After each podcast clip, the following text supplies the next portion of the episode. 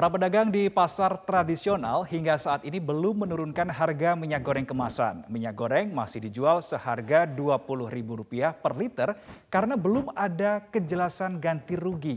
Berikut kita simak liputan rekan Soza Hutapea dan juru kamera Syahdam Arahman dari Pasar Palmerah, Jakarta Pusat. Penerapan kebijakan minyak goreng satu harga memang sudah berlaku selama sepekan terakhir, namun ini hanya berlaku di retail-retail modern. Dan untuk pasar tradisional, baru akan berlaku per hari ini tanggal 26 Januari 2022. Kendati demikian, ternyata dalam pelaksanaannya ditemukan sejumlah kendala kami sempat berbincang dengan sejumlah pedagang di pasar tradisional Palmera, tempat saya berada saat ini, dan mereka mengaku sampai dengan saat ini mereka masih menjual minyak goreng dengan harga lama, yaitu di kisaran 20 hingga 21 ribu rupiah per liter. Hal ini dikarenakan mereka sudah terlanjur membeli barang dari harga lama sebelum pemerintah menetapkan kebijakan di harga baru yaitu Rp14.000 per liter. Mereka pun menceritakan bahwa banyak pembeli yang datang dan menanyakan mengenai harga minyak goreng. Namun saat mengetahui masih menjual dengan harga lama, mereka pun tidak jadi membeli dan hal ini tidak bisa dihindari karena para pedagang pun sudah pasti akan merugi jika menjual dengan harga yang ditetapkan oleh pemerintah sementara mereka tidak mendapatkan kepastian seperti apa bentuk kerugian akan digantikan oleh pihak pemerintah. Berikut kutipan pengakuan dari sejumlah pedagang di pasar tradisional Palmera. Ya, karena modalnya kita masih tinggi dan untuk ke depannya katanya kita dapat harus bisa jual 14 sama yang 28 tuh yang 2 liter. Tapi nggak sesuai modalnya gitu. Keuntungannya buat pedagang terlalu tipis gitu. Para pedagang berharap ke depannya pemerintah dapat menciptakan suatu kebijakan yang juga tidak memikirkan uh, nasib dari para konsumen, namun juga nasib dari para pedagang dikarenakan kondisi ini juga sangat merugikan pihak para pedagang. Dan mereka pun mengaku bahwa saat ini sudah ada ketentuan dari pihak distributor yaitu mewajibkan pedagang untuk menandatangani suatu form fakta integritas di mana wajib menjual minyak goreng seharga Rp14.000 per liter. Namun mereka saja membeli dari, dari distributor sudah di angka 13.600.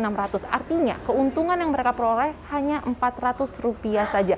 Dan angka ini sangat dikeluhkan karena tidak akan mencukupi untuk kebutuhan operasional dari toko.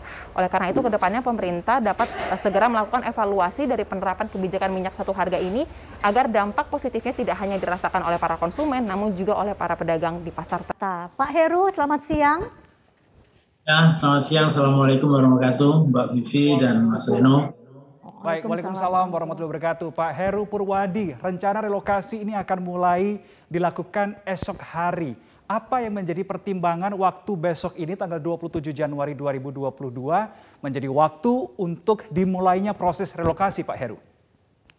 Belum juga. Sebenarnya kalau mulai relokasinya juga belum besok juga. Karena kita kan masih menyiapkan beberapa hal yang kemarin kita tinjau itu masih perlu ada perbaikan-perbaikan karena memang masih ada yang perlu diselesaikan. Jadi kalau uh, apa uh, kapan mulai direlokasi ya memang tidak lama, tetapi tidak besok, tidak besok. Kita tunggu saja nanti betul-betul kita betul-betul tidak ada problem lagi, tidak ada permasalahan lagi karena memang beberapa hal yang sifatnya teknis kecil-kecil itu baru kemarin kita cermati supaya itu tidak mengganggu uh, proses nanti ketika sudah mulai kita pindahkan. Dan pindahkan itu bukan pindah dari luar Malioboro, tetap di Malioboro kita jadikan satu saja. Pak Muhammad Rum, kericuhan diketahui terjadi sejak kemarin dan puncaknya hari ini terjadi aksi pembakaran. Apa yang sebetulnya memicu bentrokan yang terjadi di Maluku? Eh, jadi perlu kami jelaskan bahwa memang kemarin hari Selasa sore itu terjadi kesalahpahaman antara dua warga, di mana salah satunya eh, berasal dari desa A, kemudian yang satunya lagi berasal dari desa de, desa B. Ini kerucuan ini ini akibat dari eh, sebelumnya sudah ter, terjadi perselisihan terkait dengan batas tanah. Kemudian eh, kedua warga yang berkonflik kemarin setelah itu kembali ke desanya dan memberitahukan kepada warga desanya sehingga terjadi konsentrasi massa kemarin sore. Nah, pada saat itu juga Bapak Kapolda telah memerintahkan satu peloton anggota BRIMOB untuk diberangkatkan ke sana dan sudah tiba kemarin sore. Kemudian mereka juga dibantu oleh aparat polsek setempat dan juga aparat koramil setempat. Namun tadi pagi ini kembali terjadi konsentrasi massa yang cukup besar sehingga terjadi kericuhan dan terjadi pembakaran sebagaimana tadi yang diberitakan. Eh, kemudian akibat dari kejadian tersebut, tersebut eh, ada tiga warga, ya tiga warga yang meninggal dunia. Kemudian eh, dua warga mengalami luka. Sebelumnya kami beritakan bahwa dua uh, warga meninggal dan tiga mengalami luka. Namun pada akhirnya satu yang warga yang mengalami luka itu meninggal sehingga terjadi tiga warga yang meninggal dan dua warga yang mengalami luka. Termasuk salah satunya adalah anggota dari Polres Pulau Ambon dan Pulau-Pulau WAC yang bertugas di sana. Situasi saat ini sendiri sudah kondusif di mana Eh, Kapolresta, kemudian di sana juga sudah ada Dandim, Bapak Bupati dan Bapak Raja Pelau sendiri sudah ada di TKP, sementara mereka berusaha untuk berkoordinasi dengan eh, dengan tokoh-tokoh eh, setempat untuk terjadi dialog dan terjadi perdamaian di antara mereka. Tentunya kami berharap kepada warga masyarakat kedua desa yang selama ini hidup bertetangga agar menjaga situasi agar tetap kondusif Eh, sebagaimana semula. Kemudian kemarin akibat kejadian kemarin ada warga daripada desa eh, tadi itu ada warga dari desa tetangganya itu mengungsi ke hutan dan saat ini aparat sudah membuka posko dan tenda-tenda di sana dan kami menghimbau dan berharap agar masyarakat yang mengungsi ke hutan dan desa-desa tetangga ini agar kembali ke desanya dan kami akan jamin keamanannya di sana. Baik, Demikian. Pak Rum tadi Anda katakan bahwa aparat kepolisian sudah berada di lokasi dan juga suasana sekarang uh, dalam kondisi kondusif. Lalu adakah skema pengamanan yang dilakukan oleh Polri untuk mencegah kericuhan kembali terjadi seperti tadi pagi? Saat ini sudah dibentuk 10 posko, posko eh, pos-pos di sana, pos-pos penyekatan eh, di mana beranggotakan TNI dan Polri untuk tetap menjaga keamanan setempat dan saat ini juga disertai dengan usaha upaya-upaya dari pemerintah untuk bernegosiasi dengan eh, tokoh-tokoh dari kedua belah pihak untuk duduk sama-sama eh, terkait dengan masalah keamanan dan ketertiban di sana. Pak Rum dari hasil uh, penyelidikan mungkin yang sudah dilakukan oleh aparat uh, kepolisian, apakah ada warga yang diduga menjadi provokator atas peristiwa bentrok ini dan apakah sudah dilakukan pemeriksaan lebih lanjut? Yang jelasnya untuk sampai dengan saat ini, aparat kami masih berkonsentrasi untuk melakukan keamanan. Terkait dengan penyelidikan lebih lanjut, menunggu situasi aman dan kondusif dulu, baru kita melakukan penyelidikan lebih lanjut.